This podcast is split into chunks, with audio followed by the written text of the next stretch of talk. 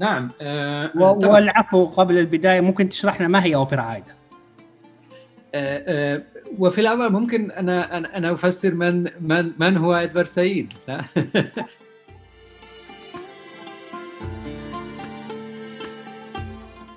مرحبا بكم في حلقة جديدة من غين. غين هو بودكاست معني بالدراسات الاجتماعية والدراسات الإنسانية. وحلقة اليوم من تقديمي أنا ماجد الخنين باحث مستقل وطالب دراسات عليا في كلية الدراسات الشرقية والإفريقية بجامعة لندن من المملكة العربية السعودية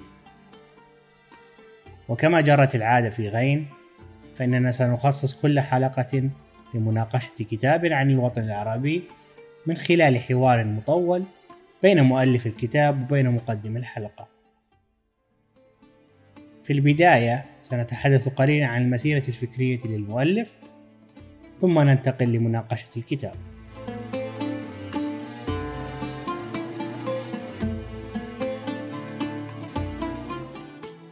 شهدت الفترة الماضية صعودا مدويا للهويات الوطنية والقومية سواء في السياق العالمي أو في السياق العربي وهناك من يرجع هذا الصعود لثورة وسائل التواصل الاجتماعي أو للتغيرات الاقتصادية التي أحدثها ويحدثها تحولات المشهد الاقتصادي العالمي. كتابنا لهذا اليوم سيتناول موضوع الهويات لكن من زاوية تاريخية وذلك بالنظر لتاريخ مصر في القرن التاسع عشر الطريقة السائدة لقراءة تاريخ مصر المعاصر هو قراءته باعتباره مرحلة تأسيسية لنشوء الدولة المصرية من جهة والهوية الوطنية المصرية من جهة أخرى. فعادة ما ينظر للدولة المصرية الحديثة بأنها بدأت من الحملة الفرنسية بقيادة نابليون بونابرت على مصر في عام 1798 وما تلاها من صعود لسلالة محمد علي. لحكم مصر باعتبارها اللحظة التأسيسية للدولة المصرية الحديثة. ومن جهة أخرى عادة ما ينظر لتاريخ الشعب المصري والهوية الوطنية المصرية كنتيجة لسلسلة من الانتفاضات والثورات بدأت من ثورة عرابي عام 1882 حتى الاستقلال عن الحكم البريطاني باعتباره مسيرة تشكل الشعب والهوية الوطنية المصرية.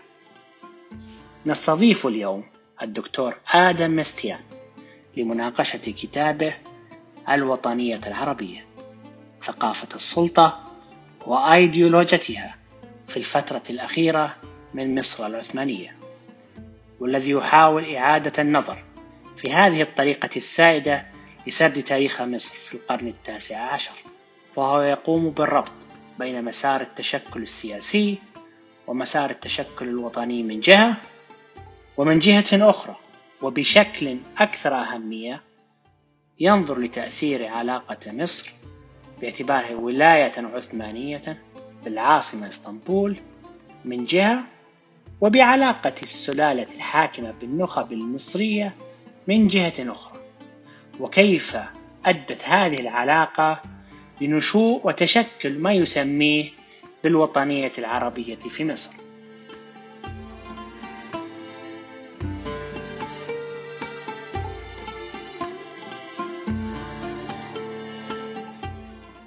ونرحب بضيفنا اليوم الدكتور آدم مستيان ونقول مرحبا آدم وطبعا في الحديث عن مصر والعثماني أنا ما أقدر أستطيع إتمالك حالي إلا وأقول لك إزيك بالمصري زي ما يقولوا الأخوة المصريين. إزاي إزيك يا ماجد؟ يا ماجد. عادة وقبل المناقشة يا دكتور للكتاب نحن نسأل الضيوف عن منشأ اهتمامهم بالموضوع وكذلك الطريق الفكري اللي أوصلهم إليه. أنت الآن أستاذ مساعد في قسم التاريخ جامعة دوك في ولاية شمال كارولاينا في الولايات المتحدة. درست الماجستير والدكتوراه في جامعة وسط أوروبا في المجر. الجامعة هذه لها تاريخ مثير للاهتمام. فهي حديثة نسبية وتأسست في بداية التسعينات بعد سقوط جدار برلين ونهاية الحرب الباردة. قام بتأسيس الجامعة الثري الأمريكي والناشط السياسي المعروف جورج سورس. كذلك يدرس ودرس فيها أساتذة لامعين من أمثال الفيلسوف ويل كيمليكا وأستاذ العلوم السياسية دونالد هورويتس وكذلك من العرب المفكر عزيز العظمي نعود إلى عام 2018 حيث نشأ صدام بين حكومة اليمين المحافظ فيكتور أوربان المجرية والجامعة مما أدى لإغلاق حرمها في بودابست والانتقال إلى فيينا في النمسا. أنت قضيت ما يقارب سبع سنوات في هذه الجامعة. كيف تنظر لتجربتك إليها بشكل عام؟ وكيف تشكل اهتمامك للوطن العربي والشرق الأوسط؟ آه نعم شكرا شكرا جزيلا. سؤال عظيم يعني سؤال كبير. أنا طبعا أنا أستاذ تاريخ آه، ولست أستاذ في السياسة وأنا طبعا أنا في الأول أصلا أنا كنت آه، طالب في جامعة اوتفش لوراند جامعة بودابشت يعني الجامعة المجرية في بودابشت في قسم قسم اللغة العربية واللغات السامية آه، في المجر.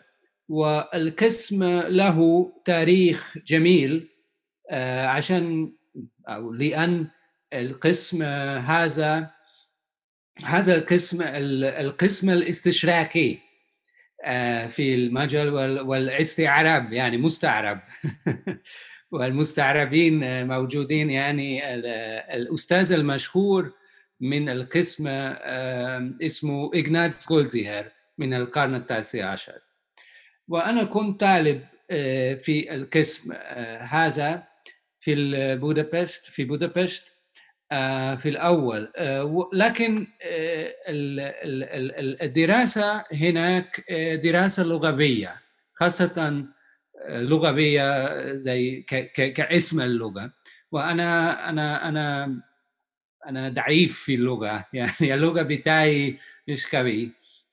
فانا بعد طبعا بعد أنا بعد تخرجت من يعني بعد تخرج من من الجامعة أنا قررت إنه التاريخ أنا أنا مهتم بالتاريخ أحسن وأفضل من من اللغة. وفي الأول بصراحة أنا كنت يعني أنا زرت المغرب. أنا زرت ك ك كسائح يعني ك يعني عشان يعني لأن السياحة المغرب آه، لما أنا كنت اعتقد 20 قبل يعني قبل كان اعتقد في سنة 1999 آه يعني قبل الالفيه الجديدة. أيوه أيوه أيوه. يعني نعم. و و وأنا كنت مهتم وكنت بموت في الثقافة العربية وخاصة الفن العربي والفن الإسلامي والناس المحبوب في في المغرب. وأنا قررت أصلا يعني ودي كان السبب آه، لدراسة اللغة العربية والثقافة العربية. يعني أنا قررت آه، أنه أوكي أنا عايز آه، أتكلم بالعربي وأنا عايز أريد أريد أكثر معلومات وتفاصيل وكل كل كل هذه دراسة. ف فكذا أنا بدأت بدأت دراسة اللغة العربية ودراسة التاريخ العربي بشكل عام. وفي نفس الوقت أنا كنت آه، صحفي. أنا كنت في آه، خاصة أنا اشتغلت مع النقد آه، نقد الأدبي والنقد المسرح المعاصره في مجر والرقص المعاصره كباليه مثلا في المجر وأنا وبعد التخرج من من الجامعة المجريه أنا كنت افتكرت افتكرت إنه آه، ممكن في علاقة بين الفن العربي والمسرح والأدب واللغة العربية والتاريخ. فكده آه، في طريق آه، كده أنا عملت الدراسة في دكتورة في جامعة CEU جامعة وسط وسط أوروبا جامعة وسط أوروبا. وأنا أنا أنا لست مهتم بالسياسة وأنا ما أعرف أنا ما أعرف جورج سوروس والاساتذه إن إن أنت أنت تكلمت عنها. يعني طبعا الأستاذ الكبير عزيز الأزمة والأستاذة الكبيرة نادية البغدادي كانوا أساتذتي. آه، في الجامعة آه، وأنا أنا شاكر جدا آه، على المساعدة وعلى الدراسة معهم. فكده أنا شخصيا كشخص كشخص مجري كشخص وطني في مجر أنا أفتكر إنه الحكومة المجرية عمل عملت غلط غلط كبير لكن آه، خلاص يعني أنا أنا أنا أنا لست سياسيا يعني. جميل يعني ومقدمة يعني مثيرة دكتور. لكن الدراسة في المجر كيف تختلف عنها في أوروبا الغربية عن الولايات المتحدة؟ وكون إن الجامعة حديثه نسبيا هل هذا ساعدها في التحرر من الأثر الاستشراقي الذي ذكرته آه، سابقا واللي كان طاغي على الجامعات الأوروبية؟ نعم. آه، شكرا. سؤال جميل كمان. يعني المهم إنه آه، في في القسم العربي في الجامعة المجر آه، ليس في جامعة آه، الأوروبا يعني وسط الأوروبا لكن جامعة المجر قسم استشراقي يعني هم مهتمون بالنصوص بالنصوص العربية وعلم اللغة.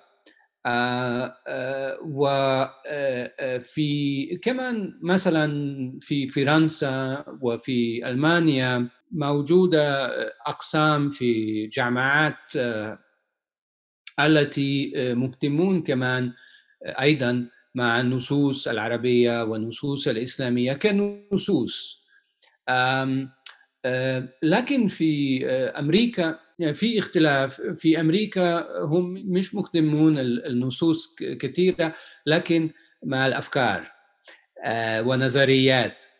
فالفرق الفرق الكبير بين الاثنين طبعا الفرق بين آه، بين مثلا آه، بين بين الناس الذي يتكلموا اللغة ويفهموا اللغة والناس التي الذي يعني آه، لا يفهمون اللغة أو لا يتكلمون لا يتكلمون لا يحكي اللغة كذا يعني الاهتمام بالنصوص أعتقد لطلاب جيدة. يعني جيدة جدا آه، من نظري. ويعني التحرر من من الاستشراك أحيانا التحرر من من الدراسة في الشكل العام. في يعني أنا شخصيا أعتقد. فاعتقد خاصة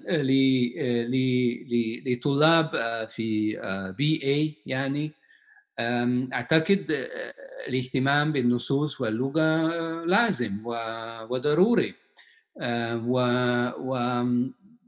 واعتقد أحيانا الطلاب الذي من آه، التقاليد الاستشراقيه أحيانا آه، يفهمون ويتكلمون ويكتبون آه، أحسن بحث من الطلاب الذي من التقاليد الجديدة الأمريكية. واضح جدا. في الحديث عن الكتاب آه، ما الذي دفعك للتركيز على موضوع الوطنية العربية في مصر في القرن التاسع عشر؟ آه نعم شكرا يعني آه، أنا كنت مهتم بال كأستاذ تاريخ أو كدكتورة كدكتور كدكتور طالب دكتورة في التاريخ أنا كنت مهتم بالعلاقة بين الإمبراطورية والوطنية. يعني الإمبراطورية ك كنظام خاصة في الدولة العالية صح؟ الدولة العثمانية والوطنية. وأنا كنت افتكرت كمان أيضا أنه الوطنية في القرن التاسع عشر كان كانت شيك كانت أنيك انيكا لا لو انت شباب أنا أنت كنت وطني في في في القرن التاسع عشر. وطبعا المفهوم إن يومنا في يومنا هذا أنه الوطنية والقومية والشعبية أنا كل كلمات دول عندهم علاقة مع الدولة مع دولة مستقلة. الطلب لدولة مستقلة مثلا أو السيادة في في في دولة. لكن في القرن التاسع عشر الوطنية خاصة ما كان معلقة مع طلب لدوله مستقلة آه، في شكل عام. ما كانش ما كان ما كان ضروري أنه لو أنت وطني مثلا في الدولة دولة عثمانية آه، أنت كمان عاي أنت كمان اردت أردت آه، مثلا دولة مستقلة. فيعني الكلمة دول عندهم معنى تاريخية. وأنا كنت فضولي على بال أو عشان لأن لأن المعنى دول دي. هذا أنا آسف أحيانا أتكلم باللهجة المصريه أنا آسف. لا ابدا. بالعكس كلامك واضح دكتور. آه، ننتقل الآن إلى الكتاب نفسه. آه، والكتاب موزع على ثمانية فصول آه، تحت ثلاثة أقسام. في القسم الأول وعنوانه صناعة الخديوية الكتاب يحلل كيف وظفت النخب المحلية فكرة الوطنية للتعامل مع الوضعية الجديدة التي نشأت نتيجة صعود محمد علي وسلالته لحكم مصر. وتطور الخديوية باعتبارها نوع من التسوية بين سلالة محمد علي والنخب المحلية من جهة والعثمانيون في اسطنبول من جهة أخرى. أما القسم الثاني فيحاول الإجابة على السؤال ما هي الخديوية؟ وفيها تناولت يا دكتور كيفية تحول العروبة لسمة للوطنية العامة وتأثير الاحتلال البريطاني لمصر على الخديوية. أما في القسم الأخير تتناول مآلات الوطنية بعد الاحتلال البريطاني ومحاولات النخب لإعادة إنتاج الخديوية. سنبدأ النقاش ونستفتح به آه، بالإطار العام للكتاب ثم سنتناول فصوله بشيء من التفصيل فيما بعد. ونبدأ بعنوان الكتاب يعني إنه مثير للاهتمام. أنت عنونت الكتاب بعنوان الوطنية العربية وهو دراسة عن الوطنية في مصر عندما كانت ولاية عثمانية في القرن التاسع. العادة جرت آه، عند الحديث عن الوطنية في مصر أن يكون عن الوطنية المصرية. وعند الحديث عن العروبة يتم الحديث عن القوميه العربية. لكنك في الكتاب اخترت يعني عنوان مغاير الوطنية العربية. ما الذي تعنيه بهذا المسمى؟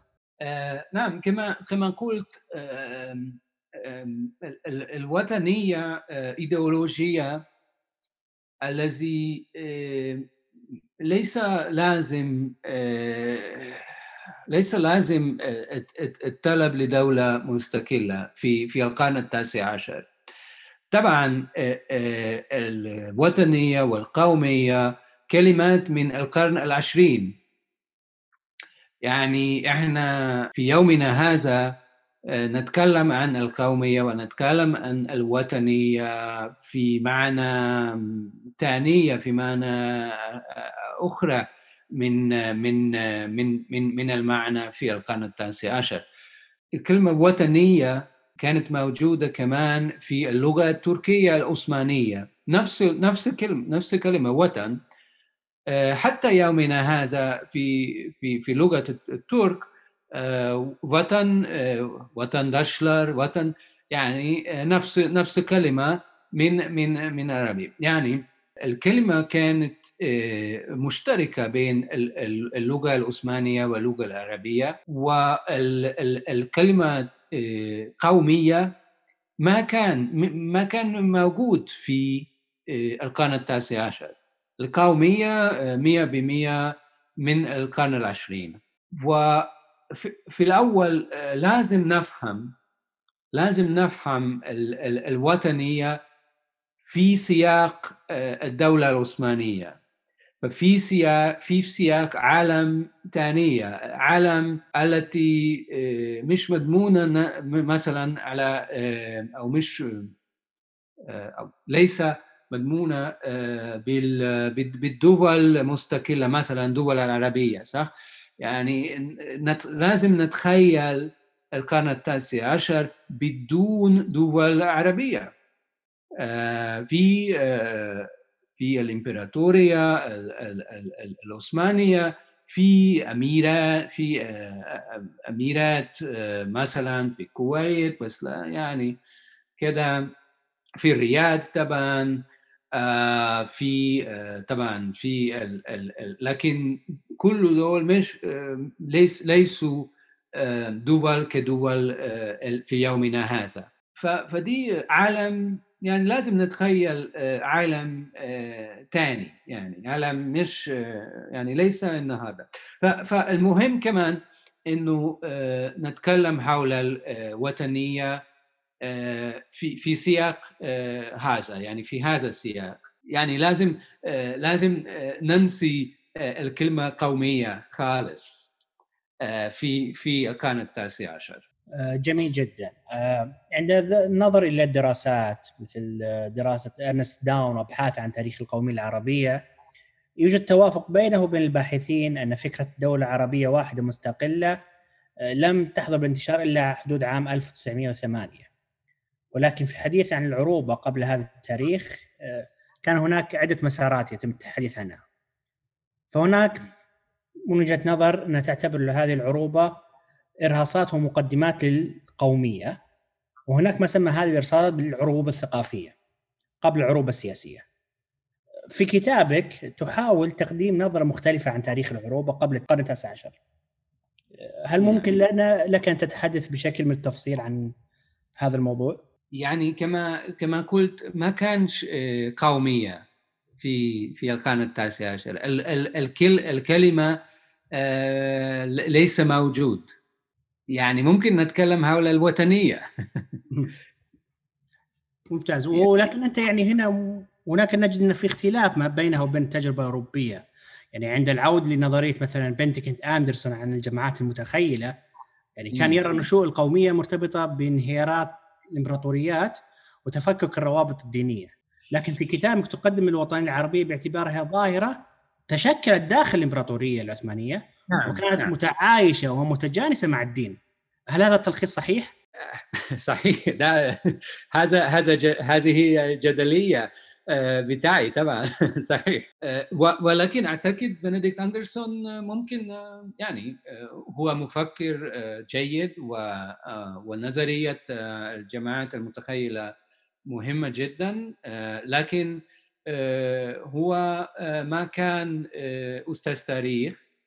وخاصة أعتقد هو آه، ما فهم الإمبراطورية. فأنا أعتقد آه، أنه الحال آه، كان مختلف شوية في القرن التاسع عشر. ليس فقط في المجتمعات العربية تحت الدولة العثمانية وكمان في وسط أوروبا مثلا في مجر أو في تشيك أو في في في في بولندا آه، كل مجتمعات مجتمعات هذه كانوا كانوا تحت تحت إمبراطورية أو أوستريا ولا روسيا ولا آه، ولا عثمانية. والوطنيات في الشكل العام الوطنية العربية الوطنية المجرية الوطنية التشيكية كل كل وطنيات يعني أنا أنا أنا لا أتكلم آه، حول الوطنية العربية فقط لكن في الشكل العام كل وطنيات في القرن التاسع عشر عندهم علاقة بين الإمبراطورية والنخب المحلية. يعني فلازم نتكلم ونتخيل الوطنية كمان آه، كإيديولوجيا آه، ليست آه، ضد الدولة الإمبراطورية ضروريا. لكن أيضا كإيديولوجيا محلية يعني محلية بين بين الطبقات المجتمع المحلية. آه، واضح. يعني طب لو نرى في وظيفة القومية في مقابل الوطنية يعني القوميات كانت وظيفتها هو السعي لنشوء دولة مستقلة. آه، لكن الوطنيات ما هي الوظيفة التي تقدمها لنا بغرار القوميات؟ في في في في المجتمع؟ في المجتمعات وحالة مصر تحت حكم العثماني. آه ده ده ده مهم جدا. آه، يعني آه، في سبيل المثال ممكن نتكلم حول عصر محمد علي ومي ومن كان محمد علي باشا؟ و إيه يعني كيف كيف نفسر آه، دور الوطنية في عصر محمد علي باشا وبعده يعني عصر الخديويه فأنا أعتقد الدور الأهم للايديولوجيا الوطنية في مصر كان العلاقه بين الطبقة العثمانية يعني الطبقه الأمراء الطبقه الأسرة الحاكمة والطبقه المصري المصرية. يعني لازم نفهم في الأول أنه طبعا محمد علي وأسرته كانوا يتكلمون باللغة التركية آه، هم هم آه، ليسوا من مصر. آه، وهم كانوا جزء جزء من من من الطبقة العثمانية في في مصر.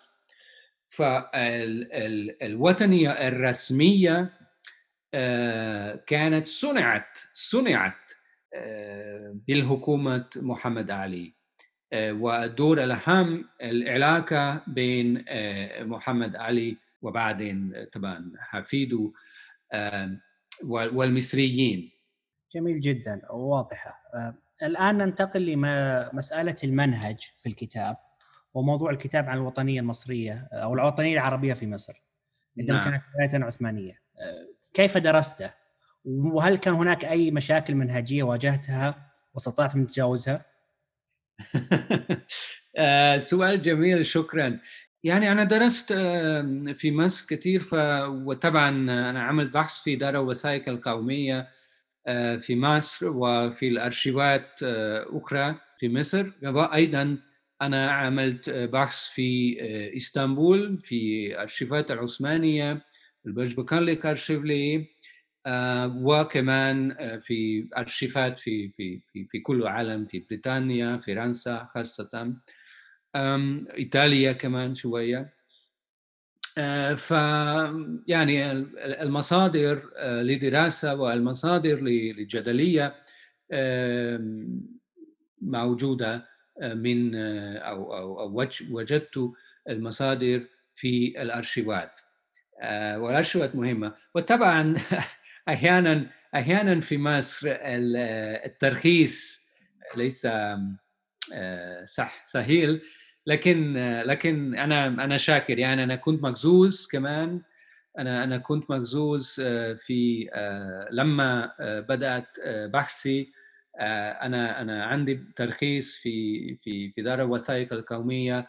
ف يعني أعتقد ستة أو سبع سنوات. أنا كنت آه، في دار وثائق وعمل بحثي آه، كثير. وأنا طبعا المنهج آه، الوثائقي في التاريخ مهمة جدا.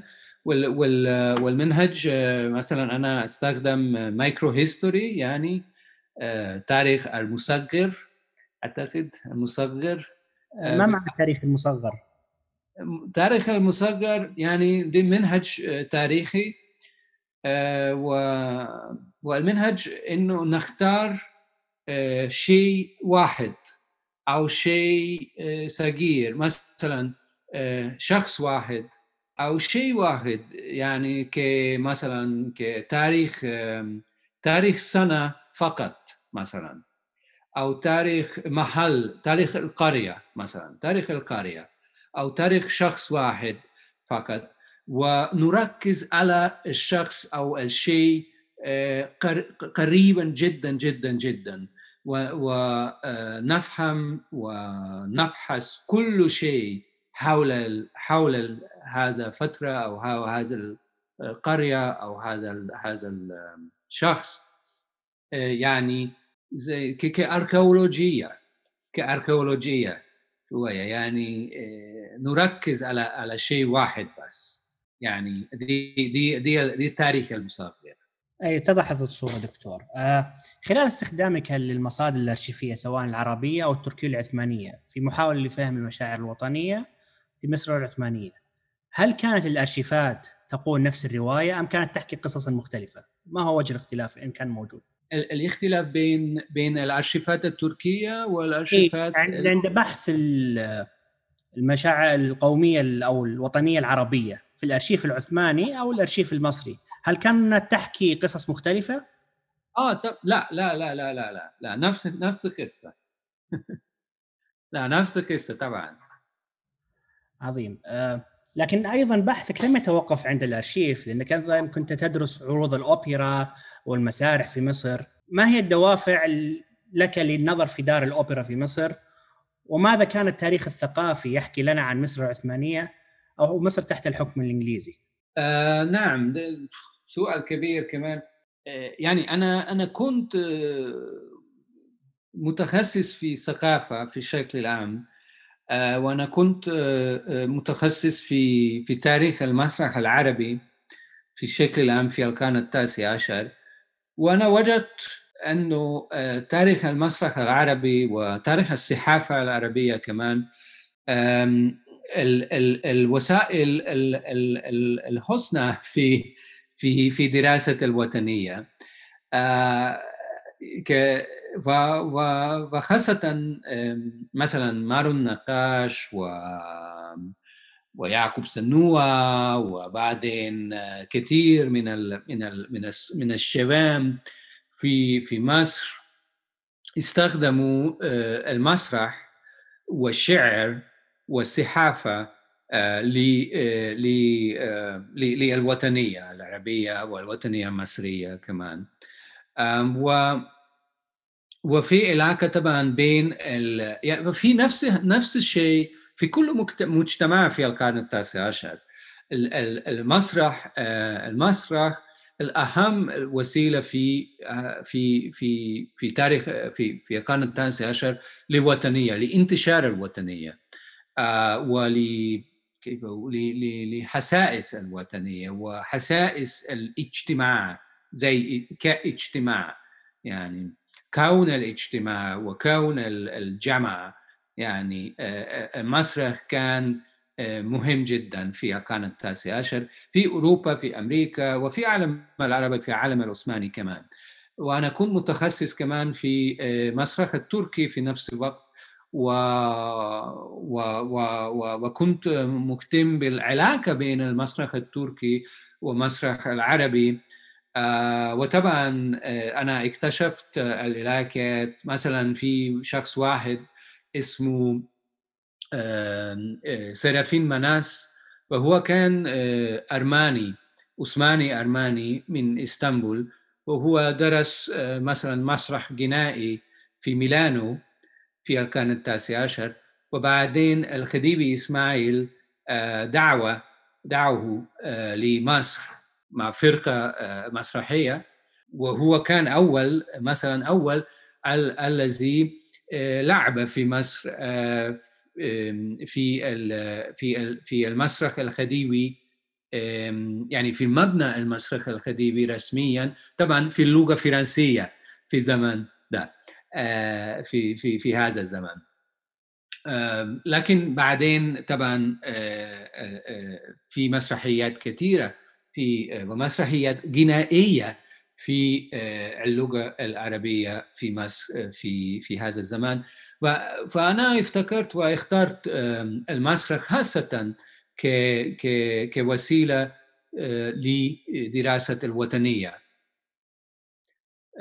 وكمان أنا كنت يعني أنا أنا أنا كنت مهتم ليس فقط مع مع مع مع مع نصوص المسرحيات يعني لكن كمان مع مؤسسة المسرح كمبنى وكجزء في محافظة مصر مثلا أو محافظة القاهرة أو كجزء في نظارة أو وزارة الأشغال العمومية في في في في القاهرة الخديوية. يعني كنت تنظر يعني نظرة 360 درجة لموضوع المسرح في مصر. يعني. في الفصل الأول وعنوانه الجذور العثمانية الوطنية العربية آه، تتحدث عن مفارقة محمد علي. هل لك أن تعطينا لمحة عامة؟ وسبق وتحدثت عليها في البداية عن السياق التاريخي عن علاقة مصر بالدولة العثمانية في القرن الثامن والتاسع عشر. هذا أولا. ودور المحور الذي لعبه محمد علي في خلق علاقة فريدة بين سلالته الحاكمة وبين الخليفة العثماني من جهة ومن جهة نعم. أخرى بين النخب المصرية. نعم نعم. نعم سؤال جميل جدا. أنا أتفق مع أستاذ خالد فهمي مثلا هو أستاذ تاريخ آه، مصري. وأساتذة مصرية ثانية وكمان في واحد أستاذ إسرائيلي اهود تولدانو وأنا أتفق معهم وأنا أنا أنا لست طالب هم لكن أنا طالب نظريا يعني. يعني إحنا اتفق أنا أتفق أنه المفتاح لتاريخ مصر هو آه، محمد علي باشا. لكن محمد علي باشا كرجل آه، عثماني. آه، وأريد أن أقول أن الشيء الأهم لمحمد علي باشا كانت كان الأمن. يعني أمن أمن أمن في في في في في في حكومة. يعني هو ما كان آه، من مصر صح؟ هو هو هو هو, هو وما كان مصري. وكمان هو ما كان من بشوات إسطنبول. هو من آه، من مدينة قبلة. آه، وهو كان تاجر. وكان عسكري يعني. نعم؟ المدينة قبله هي في اليونان صحيح؟ أيوه أيوه. هي هي ولدت في في في مدينة كولا وهو كان أعتقد عنده 40 سنة لم لما آه، هو وصل في في مصر أو كان آه، يعني والي مصر. ويعني هو عمل مصر كولاية نفسه نفسه لنفسه ولأسرته. وليس لمصريين. يعني هو آه، كان آه، والي مصر رسميا والي عثماني في مصر. ومشكلة محمد علي كان أمن. أمن من من السلطان الخليفة ومن المصريين كمان. ودي كان دي يعني هذا المفتاح لسياسة محمد علي وهذا مفتاح آه، لكل شيء آه، الأسرة الحاكمة عملت في آه، في مصر. واضح الصورة. في الكتاب أيضا تذكر عن دور الإصلاحات الذي كانت المعروفة باسم التنظيمات. طبعا التنظيمات لها وظائف كثيرة في زيادة المركزية في الحكم وتغيير في السياسات الضريبية وما شابه ذلك. لكن الأهم هو تبني مفهوم المواطنة العثمانية والترويج للوطنية العثمانية، فما هو الدور الرئيسي الذي لعبته التنظيمات والوطنية العثمانية آه، في تحفيز وتشكيل الوطنية في الولايات العربية؟ آه نعم كثير، يعني التنظيمات آه باللغة التركية طبعا إصلاح إصلاحات آه صح؟ وإصلاحات إدارية وإصلاحات قانونية. آه وطبعا في الولايات العربية أو في الولايات الاسيويه في الدولة العالية التنظيمات يعني القوانين جديدة دخلوا آه، كثير التغيرات. مثلا في كانت مجالس آه، نظامية جديدة آه، ومثلا كان دور جديد للدين كمان. يعني كان فكرة المواطن غيرت كمان أيضا مثلا في وسيلات أخرى. وطبعا التدخل الأوروبي خاصة في اقتصاد حصلت كمان في في في في هذا الزمان. و ولوطنية طبعا الدولة العثمانية خاصة في الجيش العثماني أراد أراد ال ال ال كيف أقول؟ الرعاية رعاية أوفية يعني. رعاية أوفية يعني وافي. و وهم أراد يعني الحكومة المس... الحكومة العثمانية يعني الحكومة السلطانية أرادوا كمان يعني هم يستخدموا يعني يستخدموا الإيديولوجيا الوطنية كإيديولوجيا في الجيش خاصة وإيديولوجيا كمان في الولايات العربية كمان. وكما قلت الفكرة الوطنية في اللغة العثماني وفكرة الوطنية في اللغة العربية كان كانوا موجودة ومرتبطة ومعلقة يعني مع بعض في زمان في هذا الزمان. و, و يعني أنا أنا أنا أنا أنا لا أنا أنا, ما ركزت كثير على علاقة بين الاثنين بالضبط. مثلا في الجيش العثماني لكن لكن لكن العلاقة موجودة ومفهوم في خاصة في الخمسينات خمسينات من القرن التاسع عشر. جميل. في الحديث عن الخديوية الخديوية لم تتأسس في عهد محمد علي لكنها تأسست في عهد حفيده إسماعيل والذي يوصف بأنه المؤسس الثاني لمصر. نعم. حكمه تقريبا في عام 1863 إلى ان خلع في عام 1879 نعم. كيف تنظر لإعلان الخديوية؟ وما هي انعكاساتها على علاقة سلالة محمد علي بالخليفة العثماني؟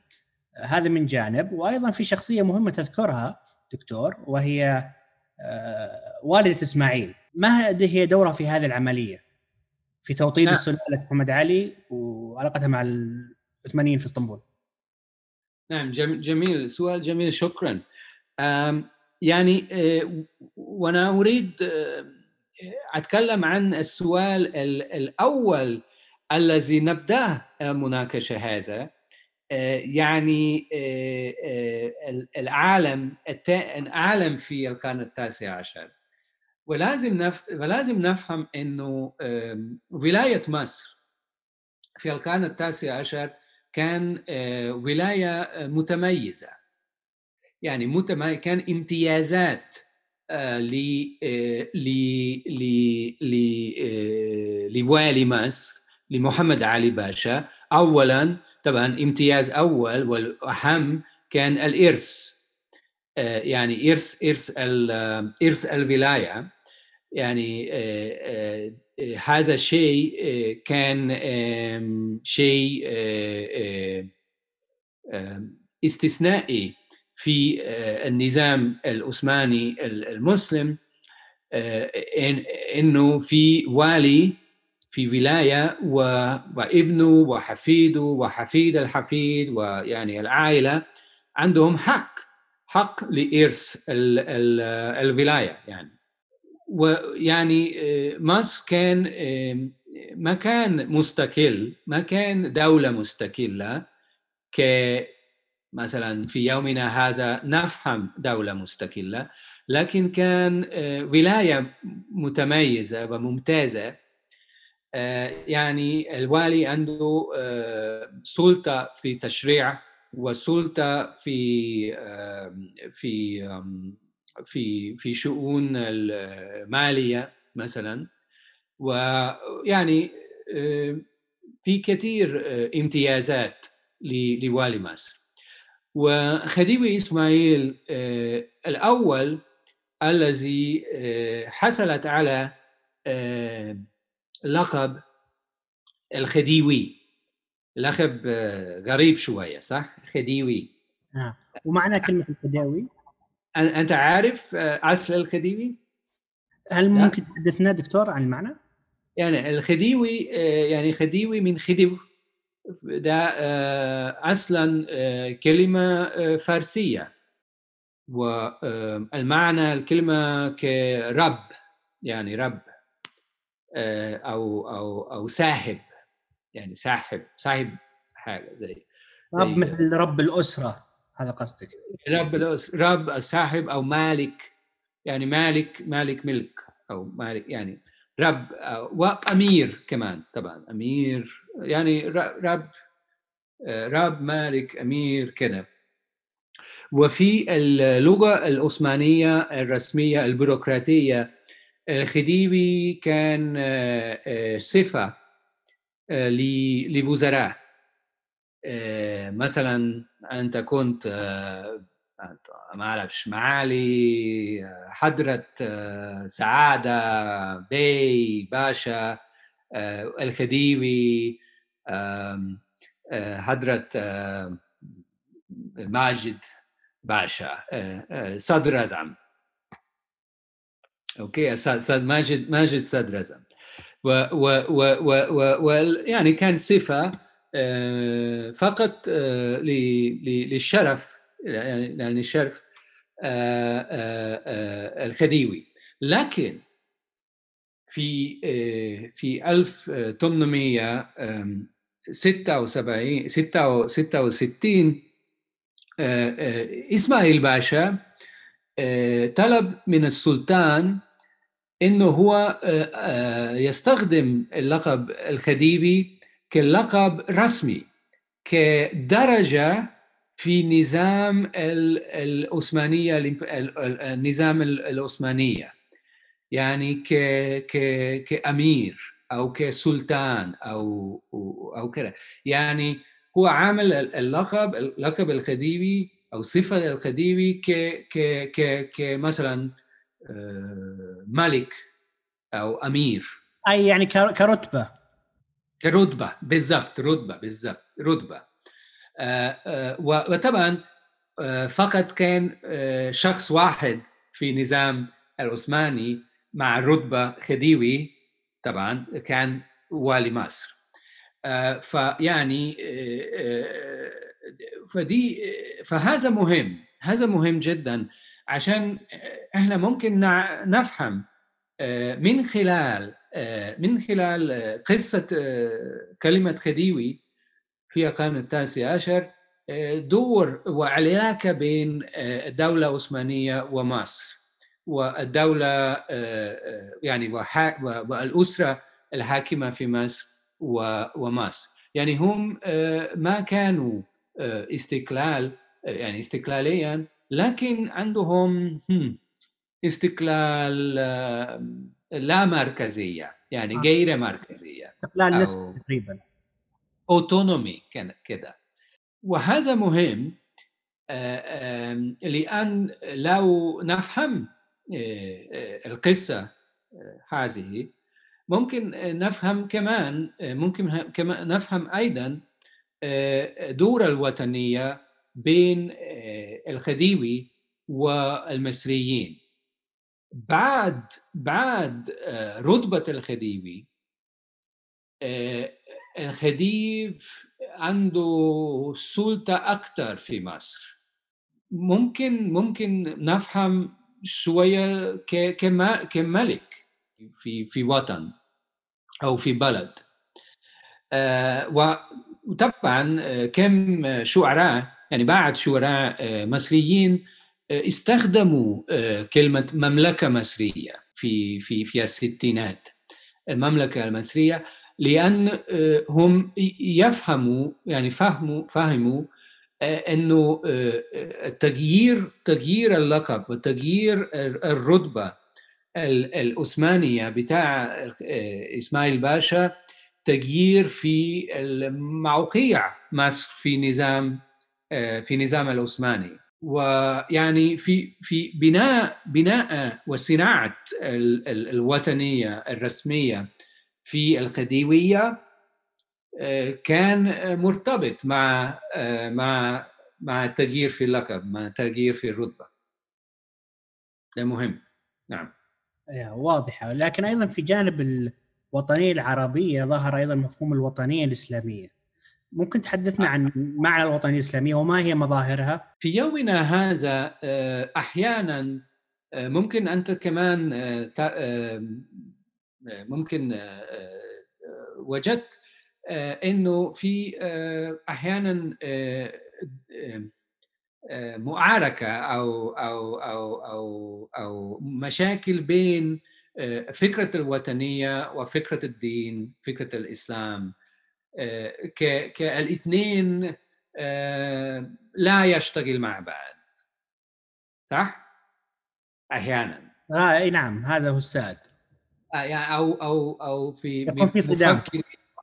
أو أو مفكرين مثلا في أمريكا أحيانا عندهم جدل أو جدلية إنه الوطنية والإسلام أو الوطنيه والدين ما لا يشتغل مع بعض لا يشتغلوا مع بعض. زي كلاش يعني يتصادمون. أيوه يتصدمون بالضبط. وأنا يعني لو لو إحنا نبحث في تاريخ ونبحث في في في وقت مصر الخديوية نجد أنه الاثنين يشتغل مع بعض كويس. يعني يشتغل مع بعض ما فيش أي أي مشكلة بين بين وطن والدين خاصة وأنا جدليتي خاصة لأنه الخليفة العثمانية بقى بقى خليفة مصر. يعني مصر مصر ما كان دولة مستقلة ما كان دولة مستقلة مسلمة. لكن كان خديوية يعني ولاية ممتازة ومتميزة. في النظام العثماني وفي نظام الخليفة في في في في زمن ده. وممكن أنت قرأت في في كتاب إنه الحديث حب الوطن من الإيمان كان مستخدمة كثيرة في زمن ده في هذا الزمن. نعم. رفاعة تحتوي وآخرين كمان. كثير حتى حتى حتى العشرينات حتى في الحجاز حتى في مكة في عشرينات في كم صحف صحفيين بعد صحفيين استخدموا الحديث حب الوطن من الإيمان لصناعة الوطنية من الدين.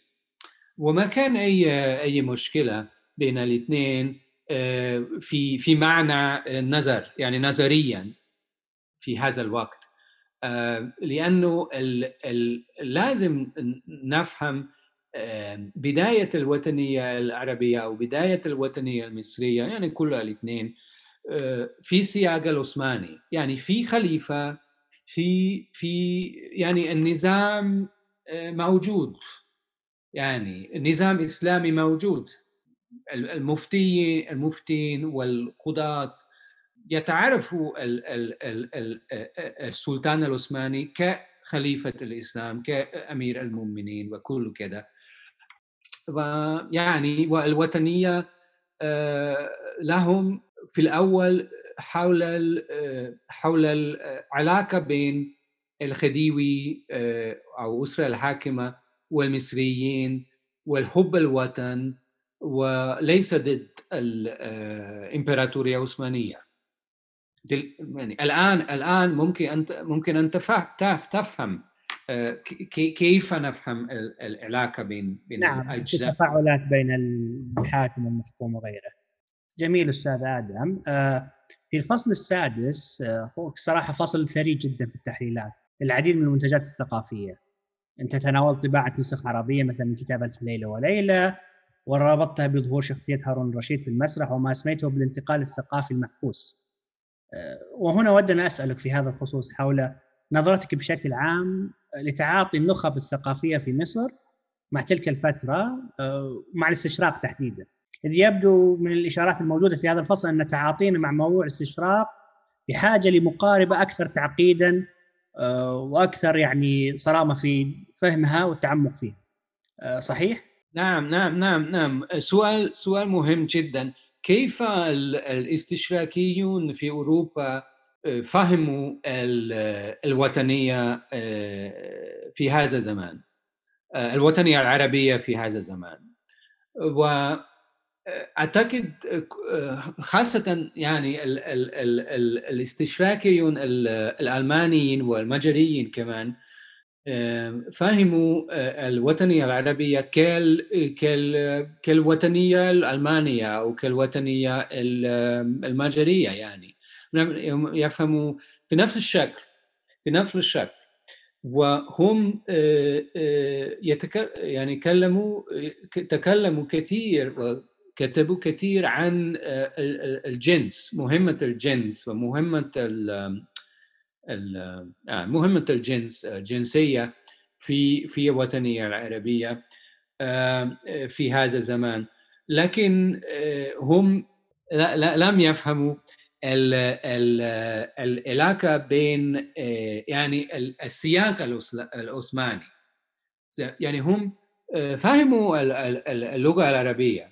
فهم أريدوا يعني هم أرادوا آه، أن آه، آه، شايفين أن ينظروا أن ينظروا العرب ولا السياق العثماني. يعني كثير من الاستشراكيين هم يفهموا اللغة العربية كويس ويفهموا النصوص العربية. وهم لا لم يفهموا السياق العثماني ولا يفهموا السياسة العثمانية ولا يفهموا إنه الخليفة كان السلطان العثماني. فلهذا السبب الاستشراكيون في أوروبا يفهموا يعني فهموا ويكتبوا حول الوطنية كالوطنية الألمانية وكالوطنية يعني آه، هم آه، هم الأولى يركزوا على أو يشكلوا يشكلوا السؤال آه، أو الصدام بين بين الدين والوطنية كمشكلة. لكن ما كان مشكلة في في ستينات في في القرن التاسع عشر كده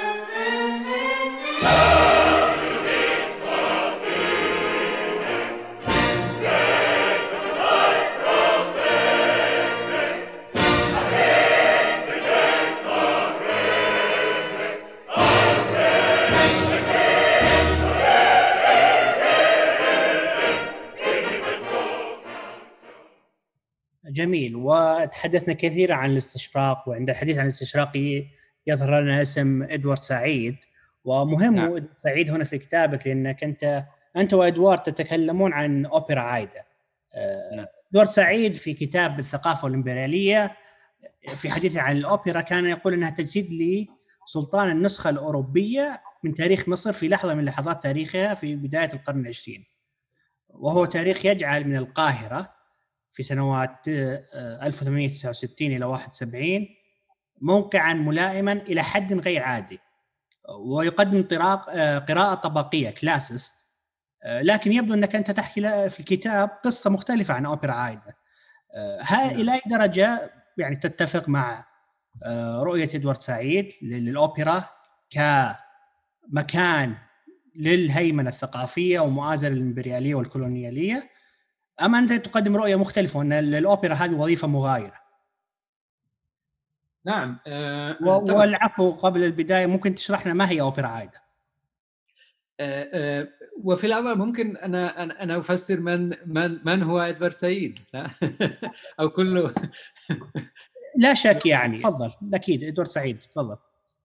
يعني في الأول انه طبعا إدوارد سعيد كان مفكر وأستاذ في في كولومبيا في نيويورك وعنده يعني طبعا عنده الكتاب الاستشلاك مهم لكن هنا نتكلم الآن حول كتاب ثاني ده اسمه الثقافة وإمبراطورية. وادوارد سعيد يعني عنده جدلية حول ثقافة كاستعمار ومثلا الأوبرا عايدة في في في رؤيته كان وسيلة الاستعمار الأوروبي في مصر. يعني الآن ممكن نتكلم حول هذا هذه الجدلية نعم في الأول طبعا مصر ما كان تحت سيطرة أوروبا في زمن ده. الاحتلال البريطاني حصل بعد بعد عشر سنين عائله يعني. طبعا كان كان سيطرة اقتصادية. سيطرة اقتصادية أوروبية على على مصر وعلى كل كل بلد. وخاصة طبعا سيطرة بريطانية اقتصادية على مصر وفرنسوية. والسؤال الذي أنا أسأل كيف نفهم تغيير التاريخ؟ وكيف نفهم تغيير الثقافة بدون بدون ايديولوجيا الاستعمار. طبعا في سيطره في سيطره اقتصاديه في سيطره اوروبيه لكن ممكن في سيطره أخرى. ممكن طبيعه السيطره ليست ليست استعماريه ممكن في تغييرات أخرى. مثلا وأنا بجدليتي إنه طبعا الشخص مهم هنا ليس فيردي وليس الأوروبيين لكن خديوي إسماعيل. يعني هو أمير مسلم. هو رجل رجل كبير في مصر. وهو عايز هو أريد هو يريد التغيير في مصر. وهو طبعا طبعا أراد كمان مكان عالي في في في العلاقه الدولية كمان. وطبعا المسرح والأوروبا كما أنا قلت من أهم من أهم وسائل دبلوماتية كمان في القرن التاسع عشر. والأوبرا كان حتى يومنا هذا وسيلة في في في علاقه دبلوماسيه وكمكان عمومي مكان لعام لكن طبعا مكان لخاص كمان يعني لأغنياء. في في في في زمن ده في هذا الزمن في القرن التاسع عشر وفي يومنا هذا كمان. يعني كيف كيف نفهم تغيير الثقافة؟ كيف نفهم أوبرا عايدة؟ ودار الأوبرا في في القاهرة في في في هذا الزمن بدون إيديولوجيا الاستعمار. أنا شخصيا أعتقد أحيانا إيديولوجيا الاستعمار لا لا تساعدنا في في في في فهم التاريخ. طبعا إدوارد سعيد ما كان أستاذ تاريخ هو كان أستاذ في أدب. والكلمة استعمار هو استخدم في معنى في شكل عام يعني زي شيء سوء. صح؟ يعني نعم، استعمار خطاب للهيمنة. أيوه. لكن إحنا مو أستاذ إحنا مؤرخين إحنا عارفين إحنا يعني نعرف إنه الاستعمار كان وسيلة واحدة فقط في وسائل الإمبراطورية الأوروبية أو أمريكية أو أو أي. يعني في في نوع نوع السيطرة آخر أو أنواع أنواع السيطرة آخر من من من من استعمار وفي تغيير أنا أنا أعتقد شخصيا وكمان أنا أتفق مع فريدريك كوبر واساتذه التاريخ أخرى إنه سؤال سؤال الاست سؤال الحديث الحداثة يعني سؤال الحداثة والسؤال الاستعمار ليسوا نفس السؤال. يعني في في دور لعرب نفسهم في تغيير الثقافة أو في دو لدور لأغنياء العثمانية وأمراء العثماني العثمانيين في في تغيير الثقافة. وخاصة أنا في نظريتي أنا أنظر على أوبرا عايدة كوسيلة أوروبية في يد خديبي إسماعيل.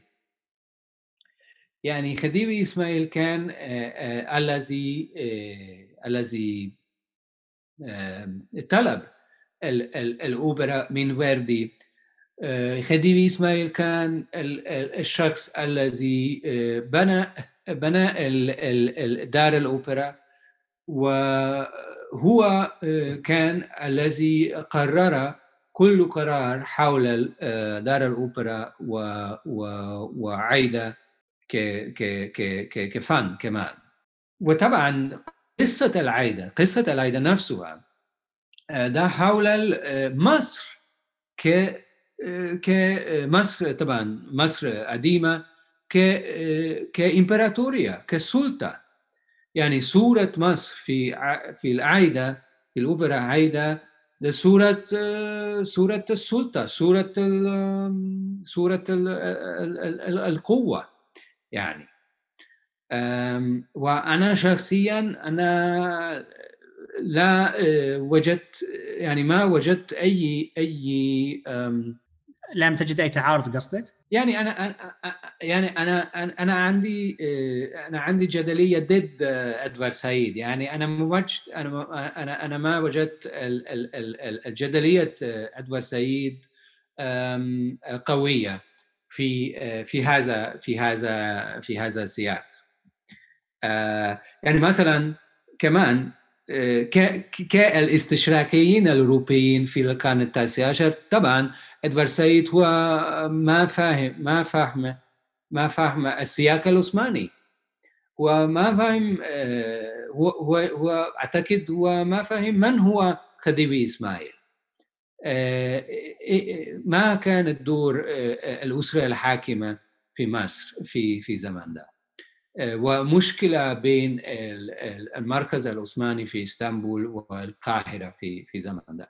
يعني في في كثير يعني لو لو نفهم سياق العثماني في القرن التاسع عشر وإحنا ننظر على الولايات العربية ومصر وكل الحجاز كمان وسوريا الشكل العام في سياق العثماني ممكن نفهم صورة ثانية صورة أخرى. يعني من من من الاستعمار في استعمار طبعا كان في في استعمار في الجزائر استعمار فرنسية طبعا. لكن العلاقة بين مثلا حتى حتى في احتلال البريطاني العلاقة بين مصر وبريطانيا ليس استعماري لكن احتلالي. في شكل عام في في نظري. ما هو الفرق بينهم يعني ما بين الاستعماري والإمبريال؟ هل قصدك إمبرياليزم وكولونياليزم؟ يعني ما الفرق بينهم؟ آه طبعا آه لا مش الفرق مش في في إمبرياليزم وكولونياليزم لكن بين آه بين الكولوني وليس كولوني. يعني دي في الأول دي موقية قانوني. لو لو في منطقة اسمه كولوني في في في النظام البريطاني ده ده دور خاصة وفي علاقات خاصة وفي آه الفرق و... بين يعني المستعمرة في السياق الغربي والولاية في السياق العثماني أه قصدك؟ لا لا لا لا لا لا قصدي إنه إنه إنه المستعمر يعني يعني منطقة تحت مستعمر في سيادة يعني الاستعماري يعني عنده سيادة عنده عنده سيادة على المنطقة. الاحتلال في احتلال ما في يعني ليس سيادة ليست سيادة على المنطقة الاحتلال تحت احتلال يعني. ده فرق كبير. مثلا المواطنين أو الناس في في في استعمار أو في في منطقة مستعمرة يعني هم مواطنين السلطة المستمرة لكن الناس في في منطقة تحت احتلال هم لا يتبعون هم هم ليسوا مواطنين السلطة الاحتلالية. يعني في في في في فرق كبير كبير كبير بين الاثنين.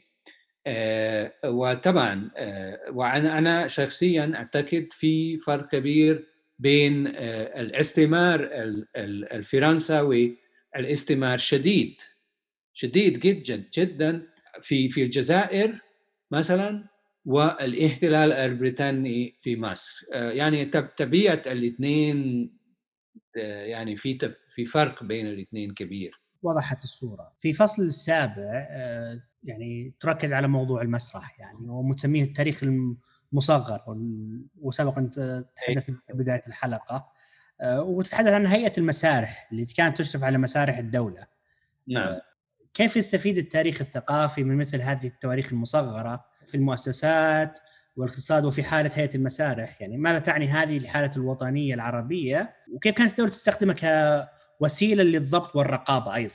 نعم نعم. هذا هذا سؤال جميل جدا. شكرا. لأن لجنة المسارح أو لجنة المسرح أو لجنة دار الأوبرا في القاهرة تحت احتلال البريطاني يمكننا يعني نتكلم عنها ك كاحتلالي يعني كقصة احتلالية. وممكن نكتشف طبعا حول قصة اللجنة طبيعة الاحتلال بالضبط. وأنا اكتشفت طبعا إنه في بداية الاحتلال البريطاني كان أعتقد خمس خمس خمس سنوات أو كده اللي في دار الأوبرا في كل في كل سنة كان شهر ولا شهرين باللغة العربية تماما. يعني الاستعمار هنا ليس أو الاحتلال هنا ليس استعمار في في معنى سلطة أوروبية يعني كبير يعني كبير يعني يعني تماما على على على على مصر. وطبعا طبعا عدو عدو اللجنة مثلا كان كله أوروبيين كل أوروبيين في في في الثمانينات والتسعينات في في في القرن التاسع عشر. ورغم هذه ورغم هذا هذا الواقع يعني هم عايز هم ضمنوا المسرح العربي حتى التسعينات. وكمان يعني أيضا في نفس الوقت الخديوي خديوي توفي في زمن في هذا الزمن كان مهتم بالمسرح العربي شوية كوسيلة لوطنية ووافية بين المصريين والخديوي طبعا هو كان هو كان مكروه مكروه شوية في في في مصر.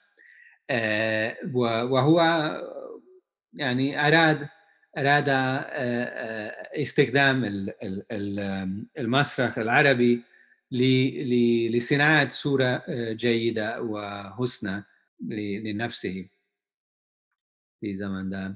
ويعني و تاريخ اللجنة ده اعتقد يعني في يعني كويس يعني جميلة إحنا يعني جميلة لأستاذ تاريخ. لأن اللجنة يشتغل أو اشتغل بين وزارات مهمة بين وزارة المالية ووزارة الأشغال العمومية. وممكن نكتشف تاريخ بيروقراطية المصرية من خلال قصة لجنة المسرح. وكمان طبعا أيضا تاريخ مالية. في في مصر شوية. وفي هناك سؤال آخر قبل أن نختم. نريد أن ننتقل السنوات الأخيرة في عهد إسماعيل اللي شهدت حراكا ثقافيا وسياسيا انتهى بثورة عرابي في هذه السنوات تركز الحديث على جوانب متنوعة عن تأثير مثلا المثقفين السوريين الذين هاجروا لمصر في تلك الفترة نعم. على جمال الدين الأفغاني وتأثيره على إعادة العثمنة لمصر. نعم. ودور الماسونية ماذا نعم. تكشف قراءات الأحداث عبر هذه الزوايا يعني المختلفة يعني مصر في الستينات والسبعينات في القرن التاسع عشر كان مركز ل... ل... ل... لكل لكل العالم يعني بس يعني بجد يعني ال... ال... بصراحة مصر كان مركز العالم في الستينات وال والسبعينات في في القرن التاسع عشر وبعدين كمان. و لأن في ال في في في ال في الجانب في الجانب واحد مثلا في مصر ال ال ال ال الخاص يعني الباشوات العثمانيه والخاصة الأوروبية يتقابلوا يعني يتقابلوا في في مصر. وواحد شكل المقابلة كان الماسونية. يعني كل واحد في في في القرن التاسع عشر من الأمراء العثمانيين كثير كثير كانوا في في في في ماسونية يعني. وده كان طبيعي طبيعي يعني ما كان ما كان شيء كيف نقول شيء غير طبيعي. يعني لو أنت كنت سياسي وكنت لو أنت كنت مثلا مهتم بالسياسة وكمان عندك فلوس أنت كنت عدو في في محفل ماسوني. ما هو الجذاب في الماسونية بالنسبة للسياسيين؟ يعني ده كان مكان مثلا كدار الأوبرا غير رسمي. يعني مكان غير رسمي. ما ممكن تقابلوا وممكن يعني ناقشوا ناقشوا أي أي أي أي شيء بدون بدون بدون وسائل رسمية. يعني وعند بنى يعني بنوا بنوا بنوا علاقات بينهم غير رسمية. وطبعا أحيانا مثلا مصطفى فاضل باشا وأخرى وآخرين أرادوا استخدام المحافل الماسونية كوسائل سياسية كمان. لكن لكن هذا فشلت. يعني ف ف ف ف, ف يعني ال ال وأنا أعتقد شخصيا إنه إحنا لا نفهم دور الماسونية في في الإمبراطورية العثمانية طبعا مع مع مصر في شكل عام يعني لازم لازم نعمل بحث أكثر أكيد أكيد. ويعني كانت هذه يعني رحلة شيقة في مصر في القرن التاسع عشر. وفي الأخير يعني ممكن تحدثنا دكتور آدم عن مشاريعك الجديدة اللي تعمل عليها حاليا أو أي مشاريع أخرى خارج يعني اي أي مشروع تحب تتكلم عنه يعني الان الآن أنا عندي مشروعتين إيه، يعني مش ثلاث مشاريع يعني آه، في الأول أنا دلو... أنا الآن آه، أكتب كتاب حول. حول الملوكية العربية الحديث الحديثة في الشكل العام كيف أقول لك.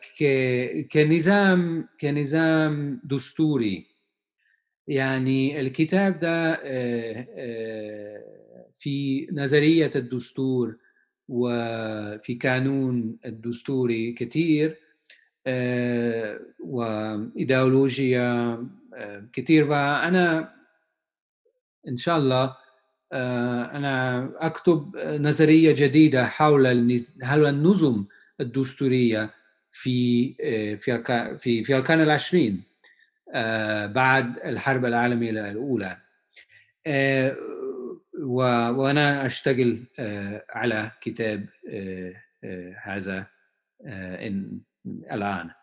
ومشروع ثاني حول حول السيادة وأراضي. وقانون الأراضي في في مصر وممكن في سوريا كمان في العشرينات القرن العشرين. وأنا مهتم بال العلاقة بين الاثنين. يعني قانون الأراضي وإدارة الأراضي في الشكل العام والسيادة. في في دول العربية بين الحربين. آه، والمشروع الثالث الثالث الذي أنا أريد أن أتكلم شوية مشروع في أدبية المرقمة أو صح كده؟ أدبية المرقمة بال... آه يعني آه. الإنسانيات الرقمية.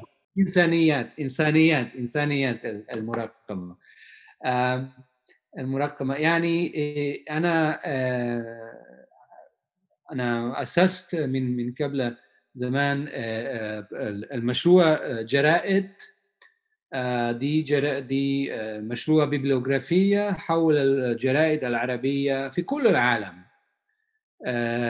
في القرن التاسع عشر والآن إحنا نشتغل على آه، نشر ثاني آه، حتى حتى السنة السنة 1929 وهذا بيبليوغرافية آه، يعني وسيلة بيبليوغرافية لباحثين في كل العالم. والآن نشتغل على كمان نشر باللغة العربية. وده شكر كثير آه، آه، وأنا كمان آه، أنا عندي تجربات في إنسانيات المراقمة العربية والإسلامية في الشكل العام. مثلا في نصوص العربية ونصوص الصحافة العربية وفتاوى وفتاوى الإسلامية شوية يعني كيف ننشر مع تكنولوجيا TEI markup الفتاوى التاريخية آه، خاصة في. يعني نعمل database آه، حول الفتاوى مثلا الإسلامية وكذا يعني في يعني أنا أعتقد الانساني الإنسانية المرقمة في اللغة العربية هي المستقبل و... نعم أكيد. وهي ح... يعني في حاجة ماسة لها يعني يعني ويبدو إنه مشروع طموح. يعني آه ما لنا نتمنى لك كل التوفيق في مشاريعك الكثيرة يعني آه يعني يبدو إن السنة الجديدة بتكون حافلة لك بالمشاريع وإن شاء الله الانجازات كثيرة. آه الله يبارك فيك الله يبارك فيك. طبعا الحديث شيق معك لكن يبدو اننا وصلنا لنهاية الحلقة. أشكرك لوجودك معنا في هذه الساعة. و يعني نتمنى لك كل التوفيق في مشاريعك. وأيضا يعني آه لعل وعسى أن يتجدد اللقاء عند ظهور كتابك الجديد. شكرا جزيلا. على الفرصه وفرصة سعيدة يعني آه، والله يبارك فيك. شكرا. آه، على المساعده وعلى الأسئلة جيدة جدا ومفيدة جدا. ويعني شكرا جزيلا ومع السلامة. وان شاء الله نتقابل في المستقبل.